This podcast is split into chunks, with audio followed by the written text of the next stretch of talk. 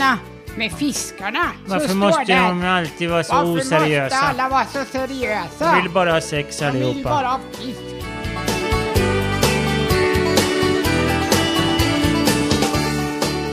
Nyvabbad och har precis bakat en sockerkaka möts vi här hos mig i köket. Ja, och jag har klippt lugg. Det har du faktiskt. Vad tycker du? Det är Helt fint. ärligt. Nej, men riktigt fint. Jag såg ju det Aha. på eh, Instagram innan. eh, Du hade ju lagt upp en frisörbild så att säga. Det tycker jag såg jättebra ut. Hur känns jag det ser- själv? Jag tycker det ser ut som Kristina Skolin. Inget negativt mer än att hon är 40 år äldre än vad jag är. Men, Jag tänker, eller min mormor. jag tänker på varuhuset när du säger Kristina Skolin. Ah. Yngre lyssnare förstår ingenting, men alla andra vet ju precis vad jag Ja, menar. hon är ju vacker och så. Det kanske bara inte riktigt min stil. Ja, men, alltså, och ännu en gång gör jag det. Alla ni, framförallt tjejer som vill höra det här, känner igen sig. Det, man ork, det, är, lite, det är lite jobbigt i livet. Ja. Man orkar inte riktigt ta tag i det. Vad gör man då? Man klipper lugg. Vad är motsvarigheten för män då? Är det raka skägget eller, på så här, eller, ska, eller kanske skaffa skägg? Jag vet inte. Jag eller så här, åker till Biltema och letar efter någon kabel som saknas. Byter bil. Köper en korv för en tia. Och ibland känner jag att jag verkligen så här... Visst, jag har, jag har en del manliga attribut i Ja. mitt utseende, men ibland känner jag att jag skulle vilja ha lika många, mycket i mitt, eh, vad heter det, mitt privatliv. Att så här, som du säger, "Åh, jag tar en sväng till Biltema och köper lite kopplingsdon och sådana där saker. Men är det inte därför det funkar så bra du och jag då? För du har så mycket traditionellt kvinnliga grejer för dig. Ja. Och jag har så mycket traditionellt Ja, manliga kanske, grejer faktiskt. för mig. I helgen så var jag lite så här, men det är lite, det är lite, inte med relationen alls, utan Nej. bara livet är lite trögt just nu. Ja, Så då var det så här, då åkte jag och tittade på bilar. ja. Och sen åkte jag motorcykel. Bastade I och tog en jag, öl. jag eh, var ju faktiskt ute och seglade igår. Ja. Fantastiskt var det. Så det var ju, i och för sig, det kanske är både kvinnligt och manligt, jag vet inte. Men, Ja, det är nog inget. Men jag kände mig ganska manlig för att jag, jag kan ju, eftersom jag gjorde det när jag var liten, så kan jag många begrepp. Jag Ja, kan ju just allting det. på vad båten, alla saker på, på båten, vad de heter. Och det är dirk och fall och, och bidevind och alla de här liksom. Bidvitt. Bidevitt. Och, eh, ja, men, och, och det sa jag till min kompis som jag var med, Petter, att så här, att just man insåg hur mycket man lärde sig när man var barn, som man sen som har legat slumrande i 20 år. Och sen då när du kommer på en båt igen så bara... Flunk säger det så kommer alla de där begreppen tillbaks som att man bara har öppnat en ask. Liksom. Du vet precis varenda mutter, varenda liten grej Ah. på hela båten. Ja, ah, det heter det liksom. Och det, sen inser man så här, det är inte självklart att kunna det, men Nej. tydligen så gör man det. Och jag Ja. älskar att du säger så här, åh jag känner mig manlig när. Ah, ja, ja, men man, gör, ja. man hör ju aldrig det, men det är det man tänker innerst inne någonstans. Ja. Bara, åh, det här var manligt eller kvinnligt. Jag kan ju allt om skogen. Jag Jaha, kan ju alla just det. växter, alla djur, alla rötter, alla scouttips eftersom jag har varit scout sedan jag började gå. Eh, Ja, det är från scouterna, det är inte från eh, liksom att du växte upp på Jo, landet. att sen säga. växte jag upp i skogen Ja. och skogen var min lekplats. Ja. Eh, men det kan jag också.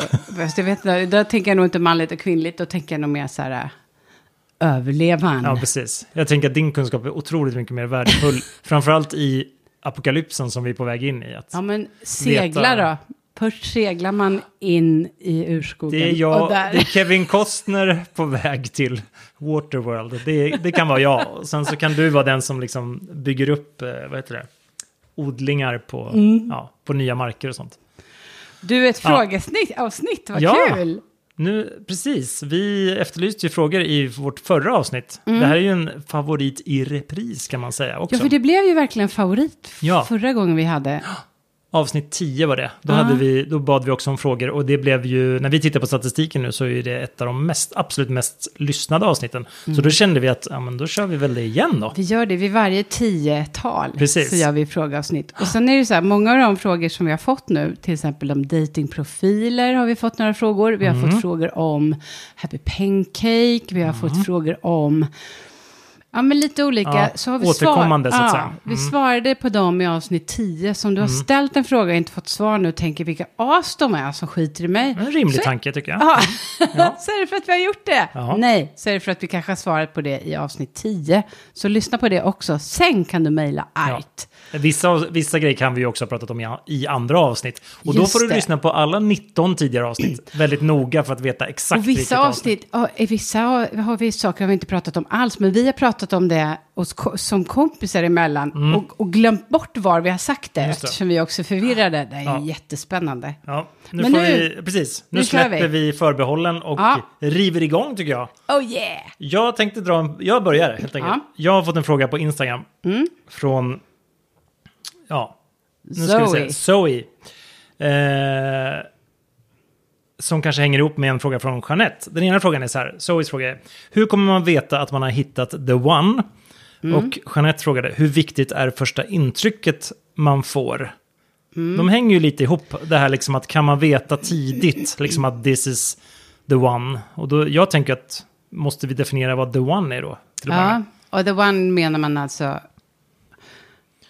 Personen man vill leva med resten av sitt liv. Typ Men så. är det Eller? verkligen så? Eller är the Jag one tänker att det är ju så att säga en traditionell definition av det. Men, ja.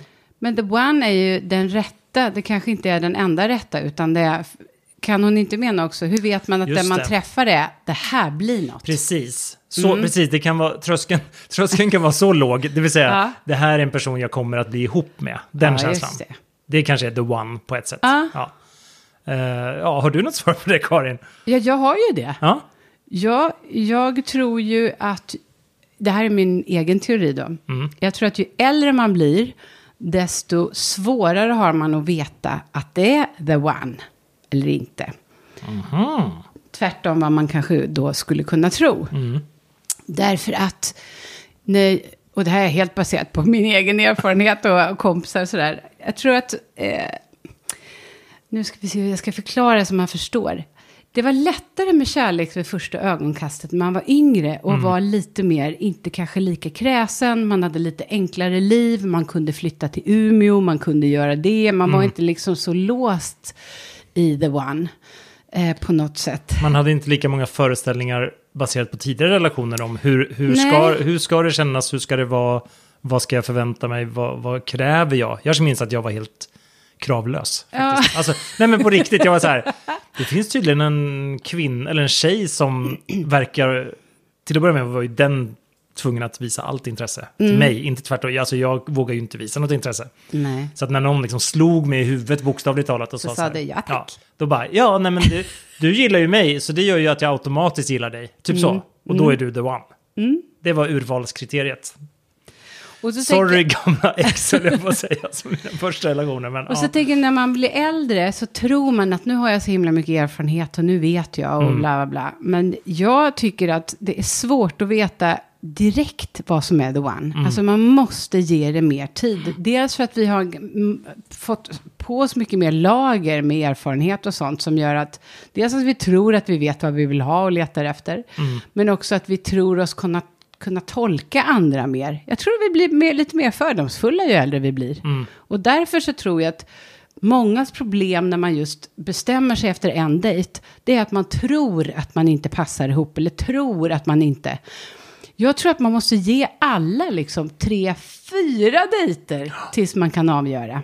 Tyvärr tror jag att du har rätt. Jag Mm. skulle vilja att det inte var så. Alltså jag skulle vilja att svaret var så här, ja men det vet man direkt. Ja. Och här är tre, som tre punkter för hur du ska veta det. Men jag känner precis likadant. De gånger jag har liksom varit så här tveksam, Mm. kanske på första dejten, och sen lite så här motvilligt bara, ja men okej, vi, vi ses väl en gång till då. Då har Mm. jag verkligen kunnat ha varit med om exakt det, att det bara har vänt och bara, gud, va, vem är den här personen? Den träffar jag, liksom, det är som att det är två olika personer och man får Ah. en så här mycket mer avslappnad, härlig känsla på typ andra gånger man ses. Och när man har forskat på kärlek så ser man också det att i mogen ålder så kan man, vissa hoppar till och med över förälskelsefasen och blir kära direkt.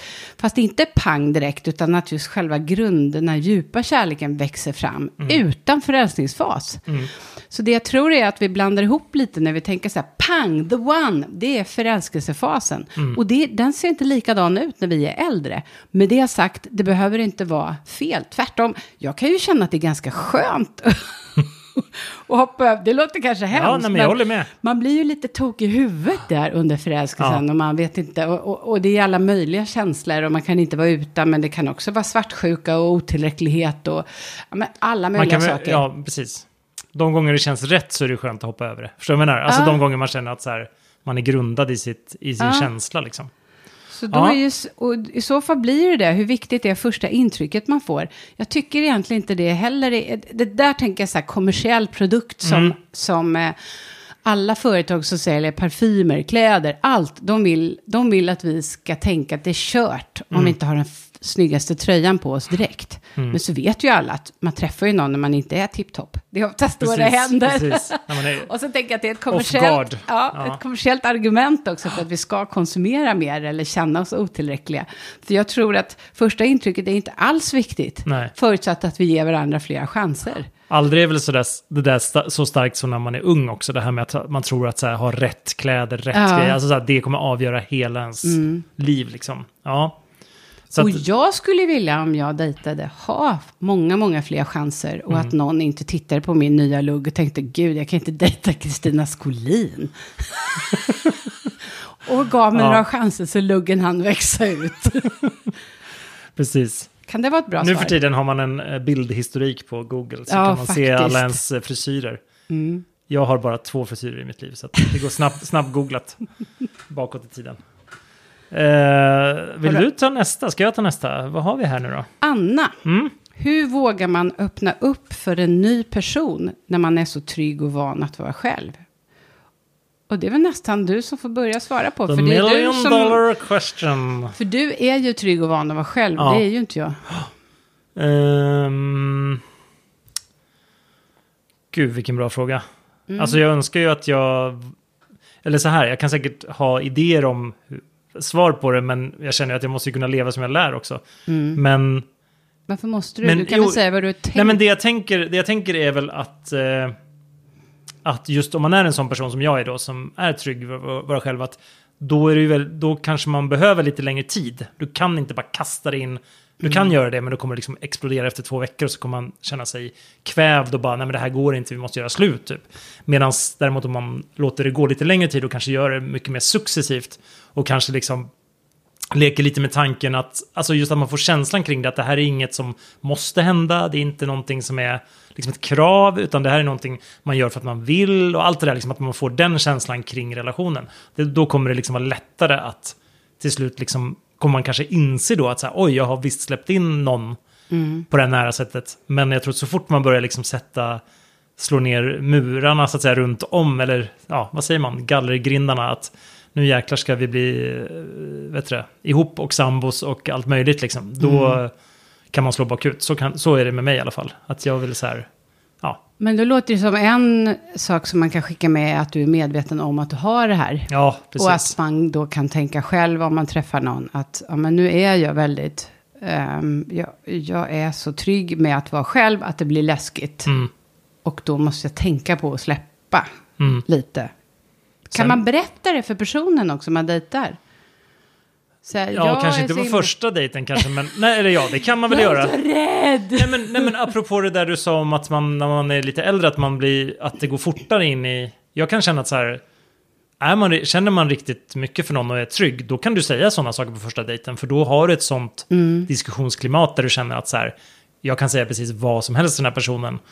Och så tycker jag nästan det är också ju äldre man blir, att man vågar ju vara mer naken och sårbar på ett sätt. Samtidigt som det kan vara svårt att rucka på gamla vanor och sådär. Men sen tycker jag det här med, apropå, nu skriver ju inte hon det här, öppna upp skriver hon, ja precis. Mm. Jag tänker rent fysiskt vara själv. Alltså sådär här att, för, det, för mig är det nästan det svåraste, liksom att så här, ja, ja, vara med någon dygnet runt jämt. Det, Ja, just För det. mig är det jättejobbigt liksom. Men, Men det är men däremot steg psykiskt dit. att vara öppen, liksom, det känner Ja. jag lättare på ett sätt.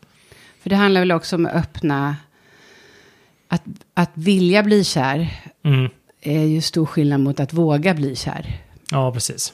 Och att man ehm, sluter sig så, om jag tittar på mina kompisar som gör det, har jag några. Och då, det är ju för att de har blivit sårade så mycket. Mm. Och då ork, man orkar inte gå där med hjärtat i handen och så, så är det någon som bara... Men jag skulle tycka det var otroligt fint om jag på även första dejten och en kille sa till mig, du, ehm, jag är, har varit själv så himla länge och är så himla trygg med det. Alltså nu är jag ute på lite öppet hav här och jag vill jättegärna men jag, jag är lite nervös för det. Mm. Bara, Åh, det skulle jag tycka var så mysigt. Ja. Jag tar hand om det här, bara ta det kläderna. Ja men, Nej, ja, men grejen är att för det där kommer ju komma fram ändå, så att säga. Ja, så säger man det precis. inte så kommer det komma fram genom handling. Det kommer komma fram genom friktion på andra sätt. Så, Men varför ja. skulle man inte säga det? Jag tror det finns någon som skulle tolka det som en svaghets... Grej, Nej men, eller? fast det handlar väl om att om man, då, om man är den andra så att säga som är så här, gud vad jag, jag håller på att bli kär i den här personen, jag är super på, gud jag kan inte tänka mig Mm. något annat än att bara hoppa in i den här personens liv. Och så känner du då att den är så här, oj oj oj, nu, alltså så här, det. nu fäller jag upp en gard. Ja, det är inte så det. härligt. För det är ju inte så härligt att vara som en person som jag är, som bara En, ja! en igel som bara klamrar sig fast. Men då, jag vill... Ja, det är ju nästan som man skulle be om ursäkt för det också. Säga. Jag, jag är... Vilket i och för sig, vi har pratat om Ja. någon gång vet jag, det här med anknytning. Ja. Att jag är den här otrygga, ambiv- ambivalenta anknytningen som gör att jag behöver otroligt mycket bekräftelse och också gillar att bara Ja, teama ihop i någon slags symbios. Jag har ju faktiskt berättat om det nu ja, och sagt att så här är det med mig. Det här är ett litet handikapp jag har. Jag jobbar jättemycket med det och försöker bli bättre. Men faktum kvarstår. Mm. Jag behöver lite extra för att känna mig trygg. får du det då? Anders. Nästa fråga. jo, men Ja, det är ju okej. sånt som jag och Anders jobbar jätte, jättemycket med. Men sen, men precis, och det, men jag menar, även om du får höra en sån grej så kan Ja. du känna så här, åh vad härligt att du berättar det, vad skönt, och vet jag så här. Det betyder ju inte att man automatiskt kan ändra alla sina egna mönster. Som Nej. partner så att säga, att om man är van att liksom så här, bekräfta någon på en viss nivå, och hej och hå, det är klart att det inte är superenkelt att synka det där, så är det ju liksom. Och sen kräver det ju en viss mognad, men då kan man ju tänka så, om man säger så vid en dejt och den dejten bara, herregud vad konstigt. Ja, precis. Då kanske inte det är en person man ändå ska klicka med just då. Så det är bra att säga sådana saker mest som testballonger också för att se vad som händer. Nästa fråga hänger ihop lite Ja. på det temat också. Det är ju så, alla, Alla frågor hänger ihop. alla frågor hänger ihop. Ska jag ta den? Eh, för det var du som tog förra. Det är viktigt att vi har rättvisa. Mm. Eh, det, är också, det här är från vår Facebookgrupp. Mm. Eh, Anna har skrivit. Eh, det här med att ghosta och bli ghostad, hur ovärdigt är inte det? Eh, lite goda råd om hur man hanterar det utan att känna sig som en idiot. Och sen har Malin skrivit om nätdating eh, ja, nätdating kan göra så att man får en minskad tillit till människor. Jag upplever att, att jag är nätdating-skadad på det sättet. Att det där hänger kanske ihop, att man kan just av ghosting då kan känna det. Och ghosting kan vi förklara, det är ju det här liksom att man bara egentligen slutar höra av sig kan man säga. Försvinner Och- ja. som ett spöke. Ib- ibland väldigt tidigt, ibland efter att man också har setts flera gånger. Och bara Ja. liksom, du får inte ens en så här tack men nej tack, utan du, du bara liksom antingen får du inte svar eller så blir du avmatchad om du är på en app. Det kan ju vara att man bara inte svarar på sms eller man bara försvinner liksom. Och det här var en av anledningarna till att min terapeut sa till mig att du får absolut, du kan inte hålla på och vara på nätdatingappar. För att jag tog så fruktansvärt illa vid mig. Och det var precis som du sa. Du eh, hade ju inte gått speciellt långt. Jag kanske bara chattat med några och sen plötsligt försvann de. Mm. Eller ehm, att jag hade varit på en dejt och sen så bara svarade den inte på sms. Men sen blev jag utsatt för ghosting av en kompis Mm. nyligen. Och då förstod jag hela vidden av hur tufft det kan vara. Ja. Och det här är en ny tjejkompis som jag har fått sedan ett halvår bara. Mm. Som också varit singel, också nätdejtat en massa, så vi har stöttat varandra massa i det här. Och liksom varit jättenära och verkligen öppnat upp om det innersta, innersta. Mm. Och kanske inte sett så mycket, men hörts väldigt mycket och hållit koll på varandra och så. Sen så träffade hon en kille, jag blev tillsammans med Anders igen. Och eh, då hörs man ju mindre, så är det ju. Ja, och det tycker jag är helt okej. Men efter det började gå fem veckor och jag inte fick något, liksom, så kan vi inte prata snart, kan vi inte ses? Jo, jo, jag har så mycket nu, jag har så mycket nu. Till sist så kände jag, men nu måste vi prata. Och då sa hon, men jag, jag orkar inte idag, jag ska vara i trädgården. Eh, jag måste. Och då skrev jag, är det någonting som är fel? Mm. Nej, nej, nej, det är bara att jag har så mycket nu. Mm. Och då skrev jag så här, men det... Och på mess också bara, jag ringde och hon tog det inte. Så då skrev jag, men... Jag kan respektera om du säger till mig. Jag vill inte prata, nu har jag något annat. Så. Men jag kan inte respektera att jag skyller på tidsbrist när vi har varit så oerhört nära. Och jag saknar dig och så. Inget svar. Och där är vi nu så att säga, eller? Och det går timme, timme. Jag ser att hon Ja. har läst det. Inget Ja. svar. Jag ringer, inget svar. Det går ett dygn. Jag börjar få riktigt... Jag kan ju inte sova. Nej. Ont i magen. Vad har jag gjort nu? Jag trodde att det... Alltså visst, det kanske var hårt att säga respekterar inte. Men jag liksom ville visa hur mycket det betydde. Så då skrev jag till Messa så här. Förlåt om jag var hård. Men jag saknar dig och det vi haft var så fint. Liksom så här. Kan vi inte höras? Läste, inget svar.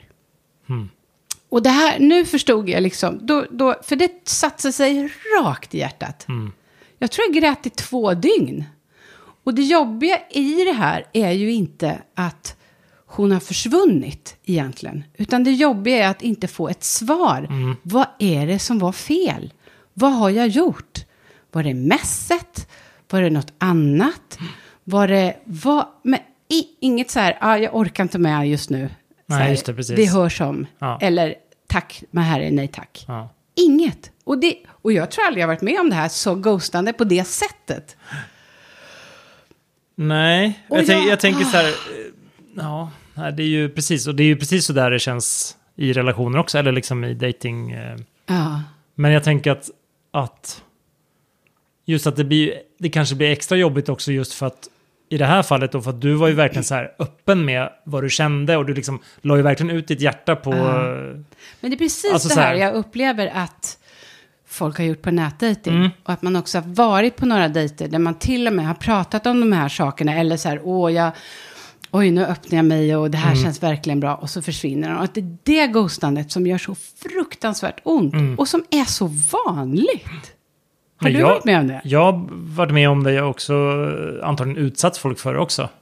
Kanske inte riktigt sådär extremt som du beskrev det nu, för att Nej. det där låter ju ändå som att så här, hade någon, om man säger så här, hade en tjej skrivit så till mig, säg att vi hade dejtat, och så hade en tjej skrivit precis så där som du gjorde till din kompis, att så här, gud, jag tycker det vi hade var så fantastiskt och speciellt, så här, kan vi inte ses och så här.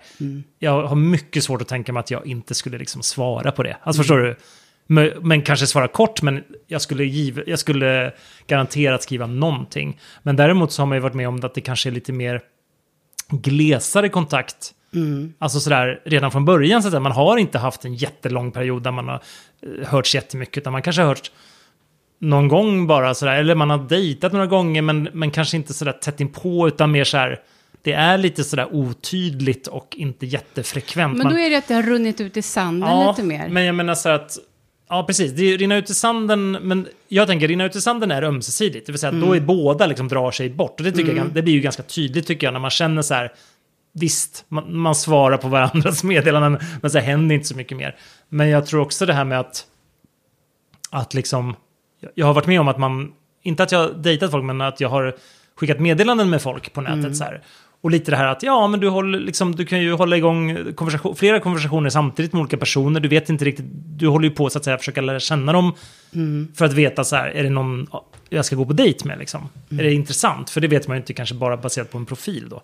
Och då kan det ju vara så där att ja, men du känner verkligen, du har börjat prata med flera stycken, du känner en av dem är så här, wow, den här, där vi kommer ju ses. Ja. Och då blir man ju medvetet så att man bara, okej, nu ska inte jag hålla igång och prata med massa andra nu, för då kommer det, dels kommer det inte vara något kul för dem eller Men för då mig. mejlar man ju den och säger, hör du, jag måste dra ner på tempot lite här nu. Det har inte med dig Ja. att göra, utan det är jag som håller på. ja, Alltså, men för- i, i bästa fall gör man det om man känner att man har fått en connection med de där andra Mm. som jag nämnde. Om det däremot är mer så här, ja, vi mässade två kvällar lite grann så här. Men allting handlar ju om, återigen så här, om motparten skriver typ så här, vart tog du vägen, varför Mm. svarar du inte så här? Då, då känner jag så här, då är det klart man svarar. Om det däremot är så här, jag har ju däremot varit med att jag själv liksom bara har försvunnit. Men då har ju inte det. den andra kanske reagerat på det. Då kanske den har tänkt just så här, jaha, han fick väl, något, han fick väl någon annan, eller han dejtar väl någon För annan. det typ. jag upplever som är den ghosting som folk har jobbigast med, det är just när man har haft några dejter eller haft något på gång och plötsligt boom borta. Och Ja. jag, jag har tänkt så mycket på det här också, för att jag har mått så dåligt av det och så här, vad har jag gjort för fel, vad har jag gjort för fel, tills jag kom på att, men herregud, jag har ju inte gjort något fel.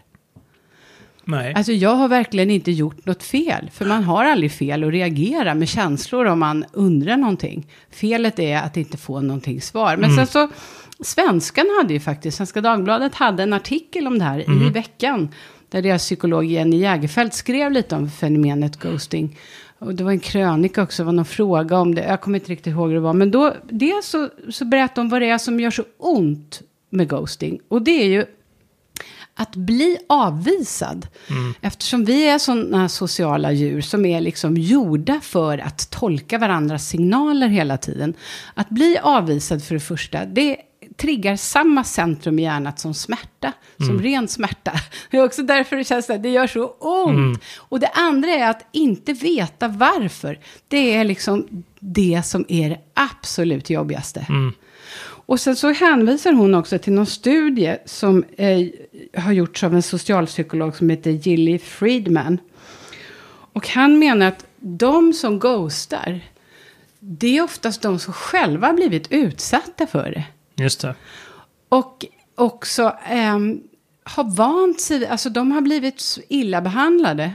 Och själva När man har lärt sig spelet så att säga. man har lärt sig spelet. Och han såg också att det fanns en, en tendens att de som ghostar i dejtingsammanhang tror att det finns en den rätta som man vet direkt. Och är det inte det Då så ghostar man. Eller då, ja man. precis. Ja. Ja.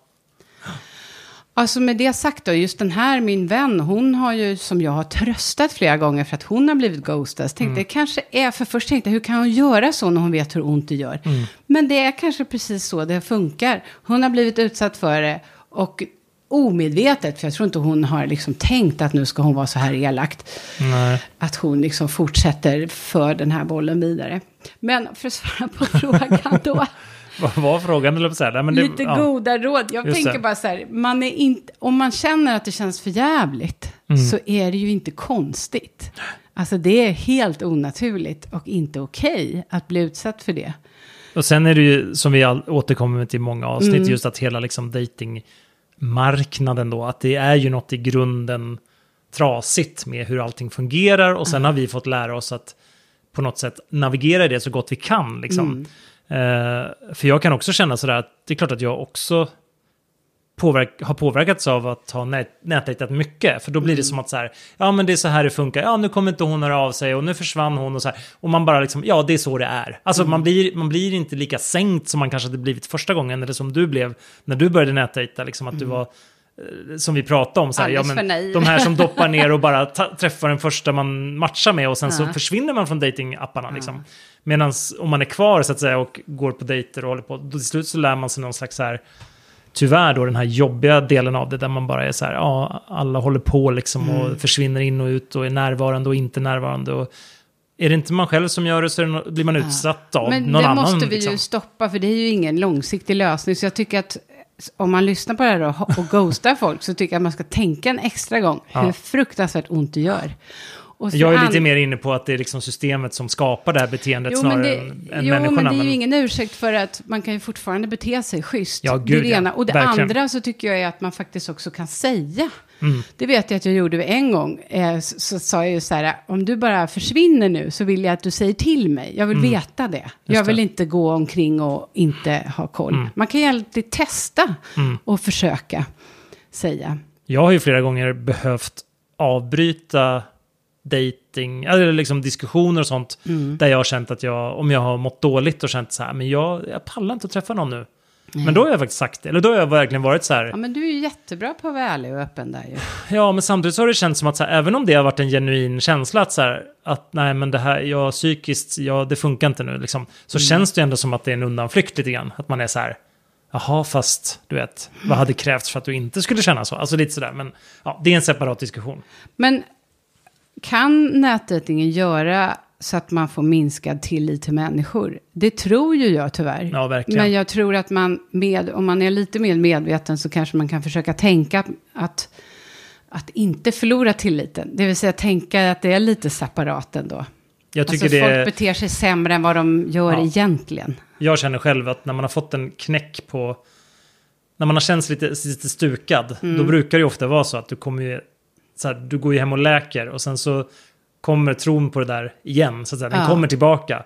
Och, man, och så går man ut på datingapparna så blir man Mm. stukad igen. Nej men så här, ja. Så att jag tror att tilliten kan minska, men jag tror att den kommer tillbaka. Alltså den, den är inte borta för evigt, utan det är så Nej, här, du får det liksom en smäll och sen så, så kan man ändå rehabilitera sig. Och sen jag ska man ju inte underskatta att spåra upp de här som ghostar och bajsa ett litet kuvert och lägga Precis. i brevlådan. Verkligen. Mm, Man ska ju skicka anonyma mejl till deras chefer och sånt där. Call them out, så att säga. Nu har vi en snabbfråga här Ja. från urcellen Helen. Bor ni ihop? Den, fråga, den frågan är ställd till dig alltså, eller? Ja, men jag vet inte vad hon syftar på. Så om vi börjar, jag och Fredrik, vi bor inte ihop. Ganska nära ändå får man Vi säga. bor väldigt nära. Vad tar det?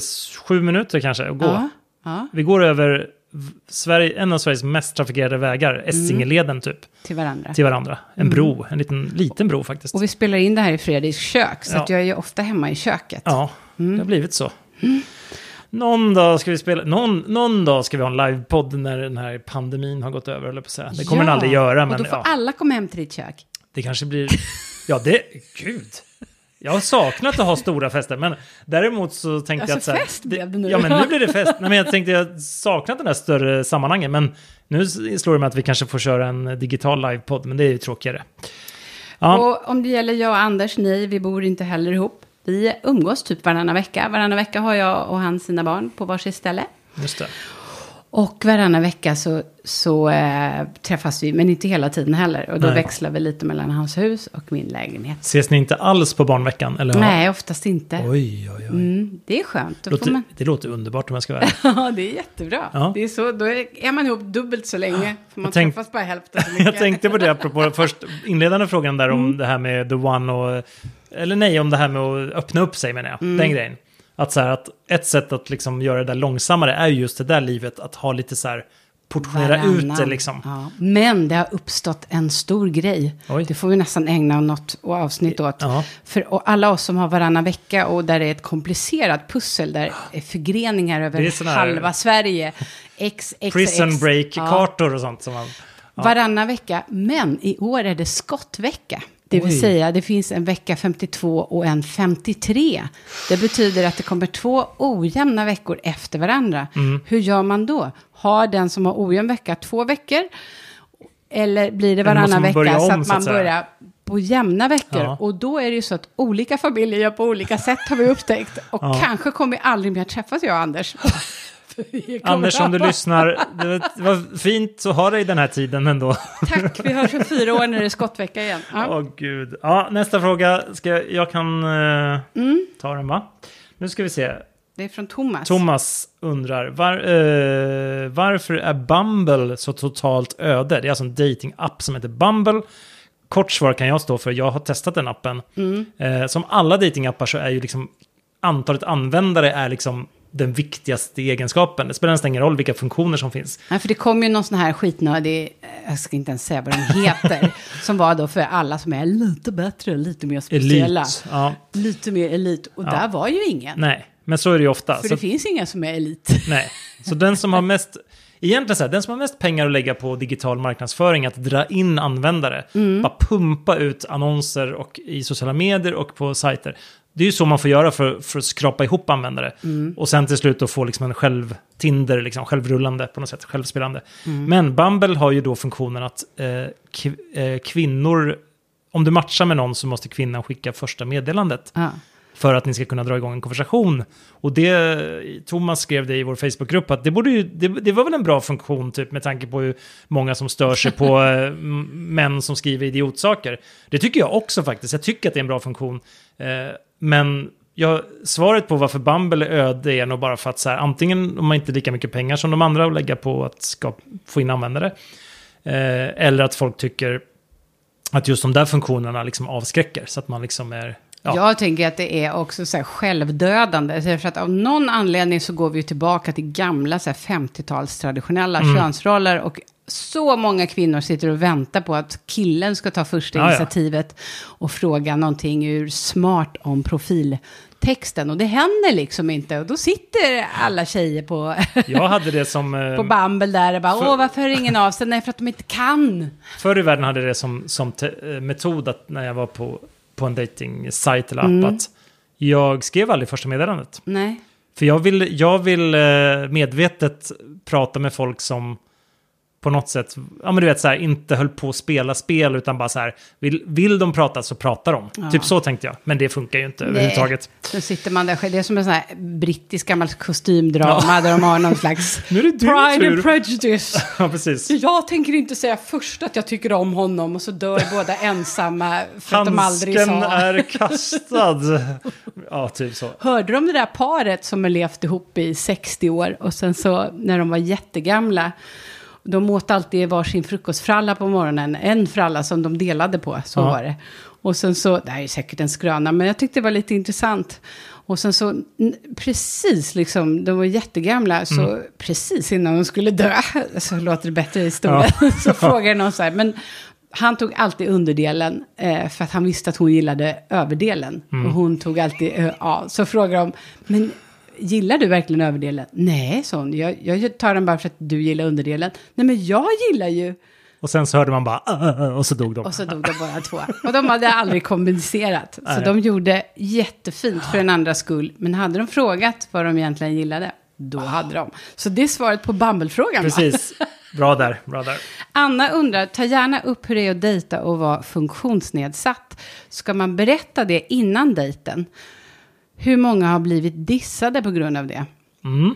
Det är ju en bra fråga.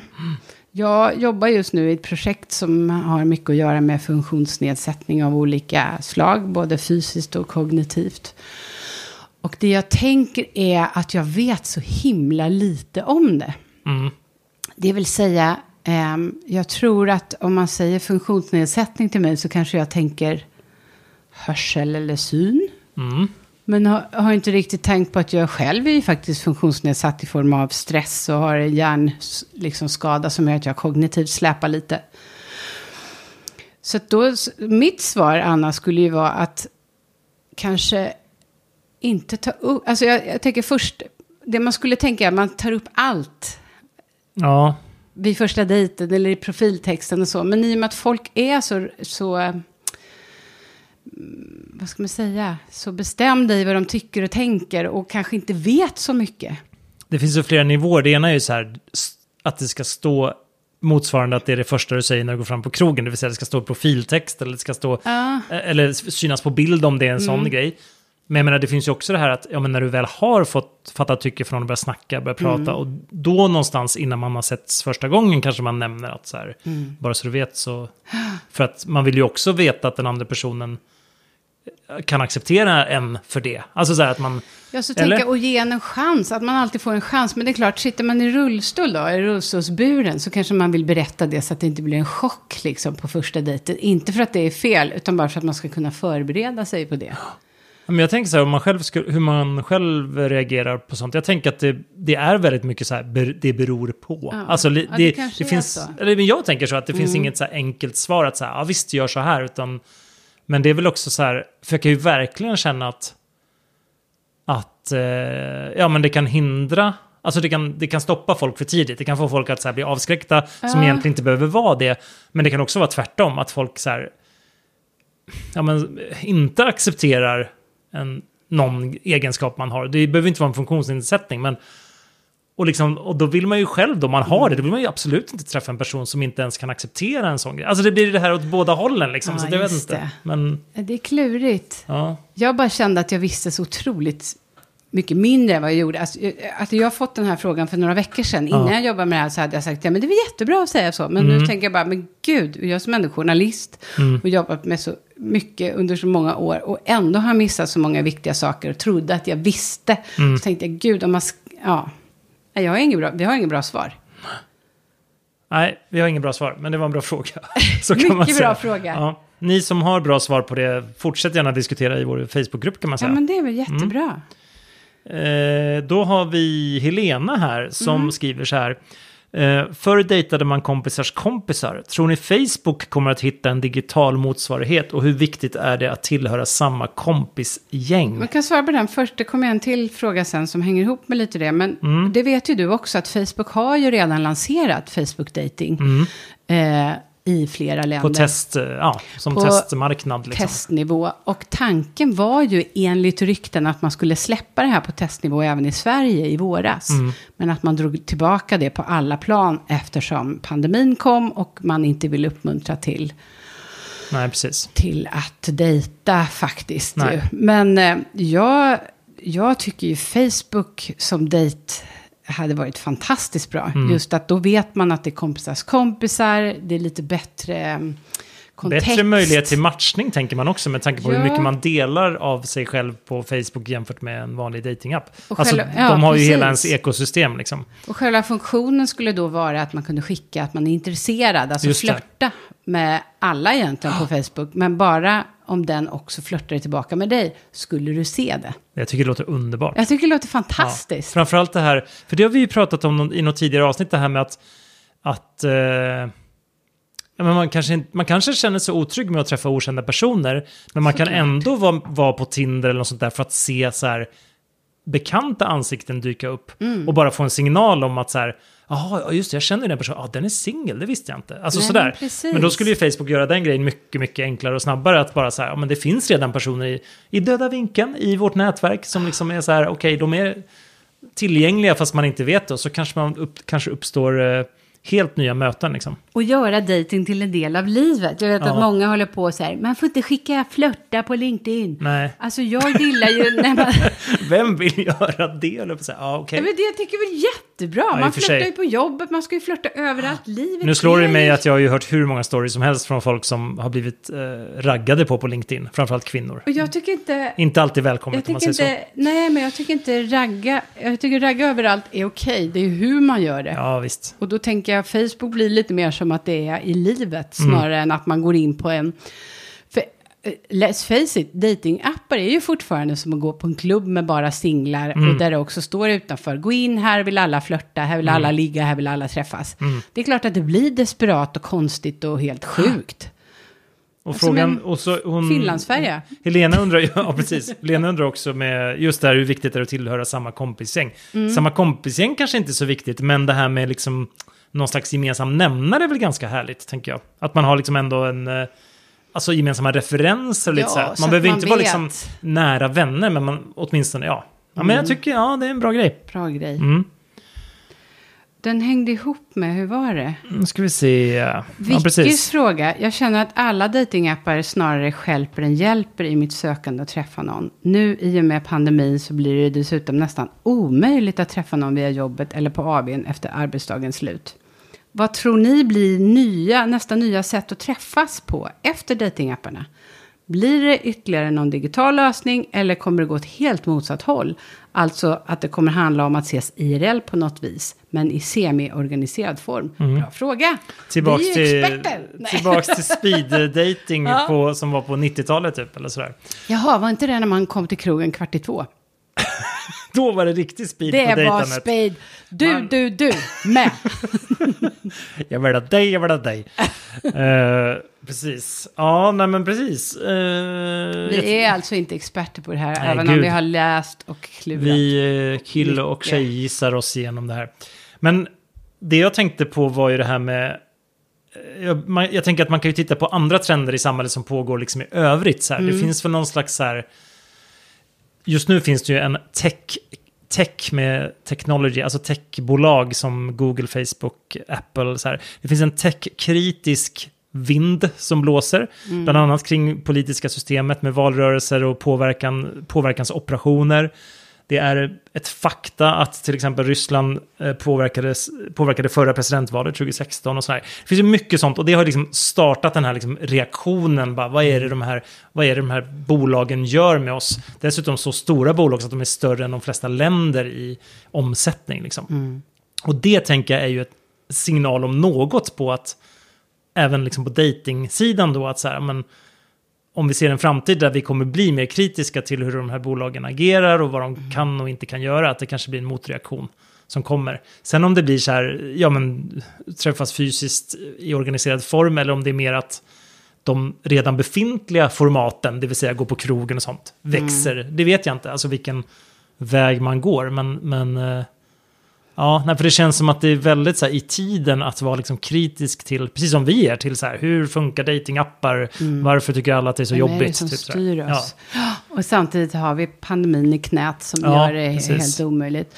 Jag tror ju på den här typen att datingapp, jag tror det kommer fortsätta, det digitala sätt att skapa första kontakten. Mm. Men eh, kanske dels då med den här kritiska eh, vågen att vi får reda på lite mer hur de funkar och kanske Mm. också få lite bättre metoder. Jag kan tänka mig att eftersom Facebook redan idag bygger så mycket på AI så kanske den också kan faktiskt matcha ihop oss lite bättre. Alltså AI är ju om det används rätt en fantastisk sätt att veta hur mycket man gillar saker innan man ens vet vad man gillar. De säger ju att, man, att de vet långt i förväg vilka, vilka relationer som kommer ta slut, vilka, alltså sådana där saker. Att så här, Ja. De kan till och med veta liksom, vem som är gravid innan partnern vet det, så att säga. Bara genom ens mönster på Facebook. Och sökningar. Och ja, och det sökningar. kan, ju, det kan man ju egentligen se själv om man tittar på sitt eget Ja. Google-historia. Men det jag tror att apparna är ju ändå oerhört outvecklade Mm. just nu. Så jag tror att eh, Facebook-appen, om den kommer igång, Mm. eller den typen av dating kommer slå igenom, kanske också att det blir lite smartare dating, det vill säga att man får förslag. Den Mm. här personen och ni skulle kunna passa ihop. Just det. Och sen så tror Ja, jag... att de förslagen är bättre, så att säga. Att de förslagen är Ja. mycket, mycket mer matchade. Inte bara på yta, Ja. utan att de då kan matchas på... Vi gillar ju samma grej. Precis. Det som behöver kluras ut på är, är ju den här algoritmen som då säger, passar vi ihop med Ja. folk som är likadana Ja. eller som är olika? Och det kommer ju bli den stora utmaningen att hitta. Kärlekskoden. Kärlekskoden. Mm. Och sen tror jag också eh, att vi kommer eh, kanske ses mer fysiskt. Men Mm. det där är ju... Ja, det är lite on hold på något sätt. I den. Ja. Sen kan man ju tänka sig att man ses liksom på tu man hand digitalt, fast inte via datingappar också. Så kan man också Exakt. tänka sig. Ja. Ja, Men ju mer kritik som finns, desto bättre brukar det bli Mm. efteråt. Så det är ju bra att det äntligen börjar komma lite. För jag tycker att folk har varit alldeles för glada och nöjda med datingappar. Och om man har kritiserat så har man typ kritiserat sig själv eller killarna. Ja. Killarna med fiskarna som varför måste de alltid vara så Varför måste oseriösa? alla vara så seriösa? De vill bara ha sex De vill allihopa. bara ha fisk. Ja, så att faktiskt börja säga, vad fan är det vi... Alla som eh, tänker så är från Östergötland, bara så ni Ja, vet. Vad får vi för pengarna? Ja, verkligen. berömda. Jag tycker ja. att med tanke på hur mycket data de här tjänsterna har om oss så är de ganska dåliga på... Men grejen är att hade de... Men grejen är att hade de varit bra på det så hade vi tyckt åh vad spooky, de vet för mycket. Så det är ju alltid en balansgång. Så här. Framförallt med AI liksom. Det fina är ju att alla kommer vilja älska och knulla i framtiden.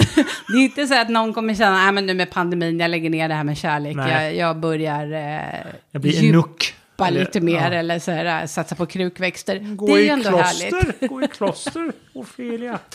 Ja, eh, är det jag som ska läsa nästa? Det tycker jag. Ja. Erika undrar, det här med att män rätt ofta direkt efter en avslutad relation måste hitta en ny kvinna. Vad beror det på? Klarar de inte av att leva själva? Vågar de inte hitta sig själva? ja, nästa fråga. Nej. Jag, jag reagerar ju direkt och kände så här, det där mönstret har jag sett jätteofta hos kvinnor som bara Ja. hoppar från relation till relation, absolut inte kan vara en sekund själva, utan... Jag gär- lägger upp handen. Du räcker upp handen, gärna överlappande, gärna så här, ha börjat vänstra lite sådär. Nej, då är, tar jag ner handen. Ja, nej, men, liksom, ja, men vissa är ju så att de verkligen så här, nästan har, har sett ut efterföljaren så att säga, när, man, när de gör slut eller så, eller det tar slut. Mm. Och så två veckor senare ser man liksom en ny relation. Jag tycker inte att det där går att koppla till kvinnor och män på det sättet. Däremot går det att koppla liksom till en viss, som du är inne på, du känner igen dig i det, men det här att, ja men en viss personlighets, eh, en personlighetstyp eller vad man ska kalla det för. Ja. Det enda jag skulle kunna tänka mig är att jag har väldigt hört, just det, får jag sån sträng blick här. Jag kan tänka så här, Punktera inte mitt resonemang. Nej, jag ska bara. när man som förälder, Ja. så eftersom väldigt många mammor tar mycket mer ansvar för barnen, så känns det som många mammor prioriterar barn och familj först. Att få ordning på det, att Just vara det. där för barnen först, innan de träffar en ny. Och det är inte alltid bra, ska jag säga. Nej. Men att jag ser att det finns en skillnad mellan att män tycker jag måste ha, jag måste ha kärlek i mitt liv. Medan kvinnor tänker jag måste se till att allt är på banan Mm. först. Och det kan jag dra en helt annan parallell till bilbranschen. Mm. Jag gjorde ett bilprogram för ett tag sedan för P1 och då tittade vi på vilka är det som köper bil och skiljer sig i kön och skiljer sig vad man tittar efter. Mm. Och då visade det sig att kvinnor eh, tar oftare beslut att vilken bil som ska köpas in än män. Så det är alltså fler kvinnor som handlar egentligen som står för det sista köpbeslutet. Eh, ja, men det som var... Och Men det, reklamen riktar sig till män typ. Nej, men, men reklamen känns ju till män. Ja, visst. Ja. Och sen så såg man också att män eh, oftast underskattade vad de skulle ha bilen till. Alltså de tänkte mer på sig själva än på familjen. Mm. Att, var, att kvinnor tänkte oftast kombi, fast de kanske inte behövde en kombi. Mm. Men män tänkte ofta, jag behöver en liten sport. Mm. Kupé för att det är så roligt att köra. Och så fick, så här, har du barn eller, ja just det, jag ska ju in med en barnvagn och en bilstol. Och de så påfallande ofta, jag gjorde flera djupintervjuer också, så såg man att män glömde bort inom Ja. citationstecken sin familj. Och då tänker jag att det kanske är lite samma här. Ja. Ja, just det där med att skiljas med barn så att säga. Och Mm. det, att du liksom, jag måste hitta fort en ny partner som kan gå in och bli mamma Mm. åt mina barn. Alltså den aspekten finns ju. Alltså, Alltså, det tänkte inte jag på i det här fallet. nej okej, nej, men jag tänker så här apropå män som Mm. inte klarar sig själva. Att så här, oj, nu står jag med två småbarn här och vet inte riktigt. Alltså så här, och så vill Nej, de träffa nej. någon bara för att fylla, liksom, ha en familj igen. Typ. Så kan det ju vara. Men ja, jag vet inte. Jag tänker mig att kvinnor, så här, åh, mammarollen först och Ja, sen just allt det det. andra. Jag känner igen från när jag var småbarnsmamma och barnens pappa tog sig tid att träna alltid. Mm.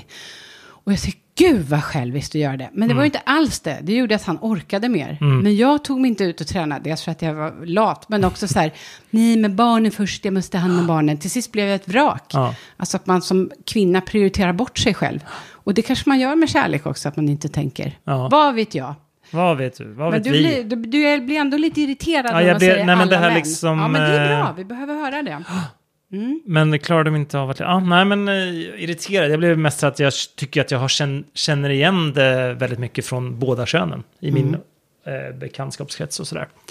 Är det sista frågan nu, eller? Ja, kanske.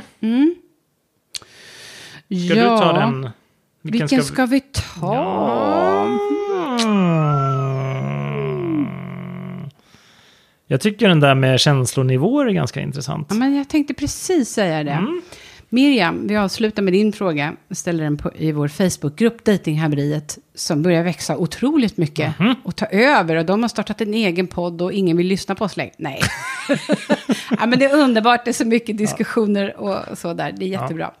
Miriam undrar, hur tänker ni kring när man dejtat ett tag och börjar få mer känslor för den andra, men den andra inte är helt på samma känslonivå? Hur ska man tänka och göra? Ska man berätta om sina känslor och köra på och hoppas att man inte skrämmer iväg den andra? Eller ska man berätta och backa lite och se var det leder? Eller ska man söka sig vidare och gå och fundera på hur det kunde ha varit om man stannat? Vad orkar man med när den andra inte är på samma nivå som sina känslor? Jag tänker direkt på alla de här diskussionerna vi har haft om anknytningsmönster. Mm. Att just säga att det, om det är någonting jag tycker att jag fått lite kläm på med åldern så är det just det här att det går olika fort. Och det har inget med dig att göra eller mig att göra. Utan så här, ja, olika människor kommer ta olika lång tid på sig. Och det, kom, det är inte ett betyg på relationen. Men det är så otroligt svårt för det är just den här sköra första fasen när man ska knyta an och när man ska liksom bestämma sig för eh, ska det här bli någonting, ska vi bli seriösa så här. Och när man då är helt ofas där och har helt olika hastighet, ja det är klart det kommer skita sig liksom.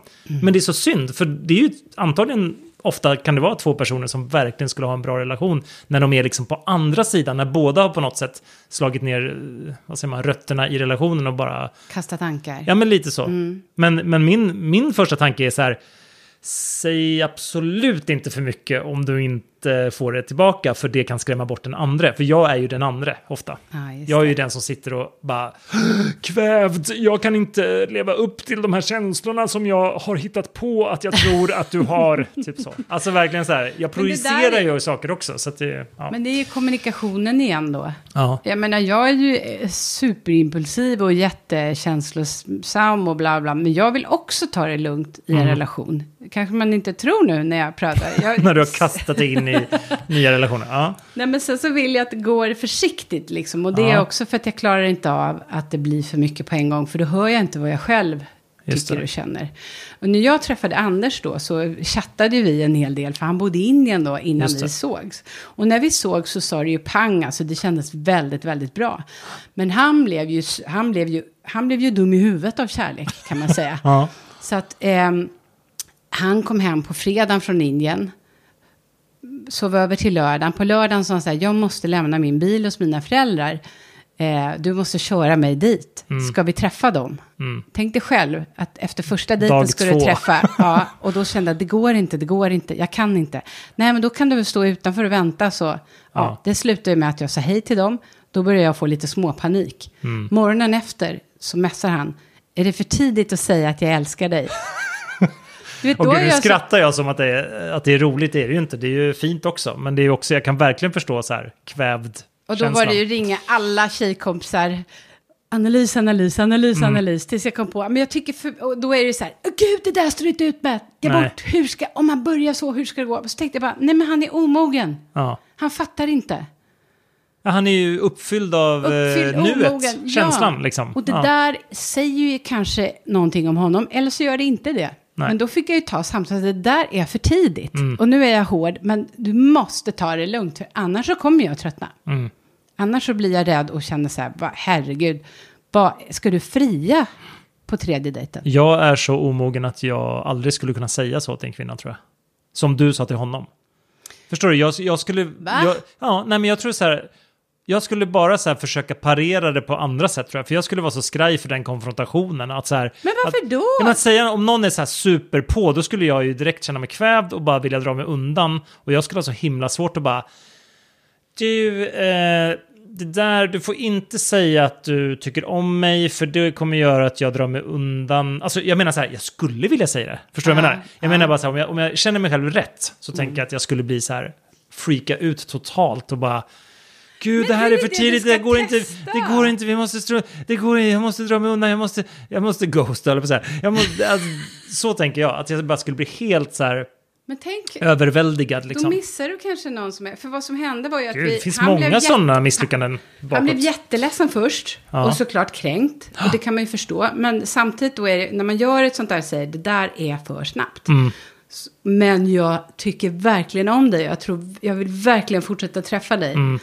Alltså försöka att personen känner sig någorlunda trygg samtidigt som man sätter en liten gräns.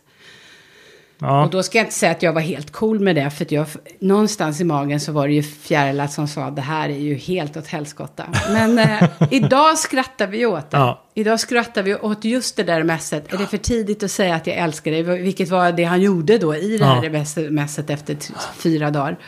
Och kan, idag kan jag också tänka på hur sjutton orkade jag det? Att någon Ja. var så på. Men Ja, för jag tycker jag ser sådana där trådar, inte, ja men du vet i diskussioner på Facebook eller på Twitter där folk skriver om sina relationer eller dating Mm. eller sådär. Det kan vara anonymt, det kan vara eget namn.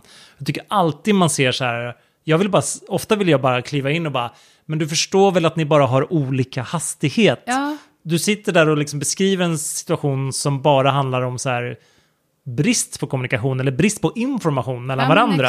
Och liksom överanalys och man sitter, som du säger, man messar kompisar och man bara Åh gud, jag kan inte bara höra av sig säga och så bara, ja fast liksom det betyder inte någonting. Det betyder inte att han vare sig eller hon är av eller på. Det betyder bara så här att man har olika timing. timing, anknytning. Det var så här, ja det var en svinjobbig vecka. Det kanske var någon som vabbade och Ja. hade mycket på jobbet. Den kunde inte sitta hela tiden på Tinder och svara på dina meddelanden. Nej, typ så. precis. Och då blir det så här, ah, jag tycker det fan är dålig stil att de inte svarar alltså. Typ sådär. Och så man bara, ja fast ibland är det så. Då får man Mm. liksom bestämma sig för, så här, orkar jag vänta, orkar jag, och orkar man inte det så, ja, får man gå vidare. Kommunicera mera. Och så tycker jag att det kan ju aldrig bli fult att säga att man tycker om någon. Men om man gör det så kanske man får bre- bredda sig på att den andra just ehm, tveka lite en Inte liten tycker stund. om en tillbaka, eller på att säga. Ja, men så kan det vara. Sen finns det ju en gräns där man, om den andra inte kommunicerar, om man känner jag känner mer, jag känner mer, jag känner Ja. mer, och den andra säger jag är inte riktigt där. Det är klart att då får man ju ta Ja. beslutet. Men jag tror ofta handlar det om att man visar kärlek på olika sätt. Mm. Kan ju då rekommendera, om vi ska rekommendera andra sajter, det är att läsa på lite om anknytning. Mm. Att man har olika anknytningsmönster som gör att man också behandlar folk olika i en relation. Mm. Inte för att man vill, utan för att man har det med sig. Och det andra är det här med kärlekens språk. Som låter lite fånigt och som är lite halv kan jag tycka. Men Ja. också det här att vi uttrycker kärlek på olika sätt. Mm. Just att kvinnor säger, varför säger du inte att du älskar mig? Medan mannen tycker att han har visat det för han har byggt en, nu är jag jättefördomsfull, Mm. en uteplats. Och så säger han, han bara bygger på sin uteplats, han visar aldrig att han bryr sig om mig. Det är precis det han gör. Han, han eh, vet du det, nesting heter det va? När man alltså liksom bygger bo. Alltså han, Mm. Ja, han, liksom, han, han säkrar ju upp framtiden genom att bygga uteplatsen. Och det där tror jag är ja. jättevanligt också att man när man dejtar så säger man gud jag tycker jättemycket om, märker han inte det? Han Ja. kanske gör det och visar det på sitt sätt. För i vanliga fall brukar han absolut Precis. inte ens. Så här, han, sva, han svarar inom en timme. I vanliga Ja. fall brukar han svara på inom ett dygn. Så det här är ju riktig kärlek. Ja. Ja. Ge kärleken en chans. Ja, om, man ändå, om det ändå var så enkelt. Kan vi inte sluta med Ted Gärdestad? Vilken av dem, höll på att säga. Att kärleken slår rot och växer sig stark. Aldrig hört. Vi kör den. Vi kör den. Tack för alla frågor. Tack. Fortsätt eh, lyssna. Och vart hittar man dig på internet, Karin? Karin Adelskol heter jag på Insta och Facebook. Och jag heter Fredrik.vass på Instagram. Googla oss annars så hittar ni oss. Ha det gött!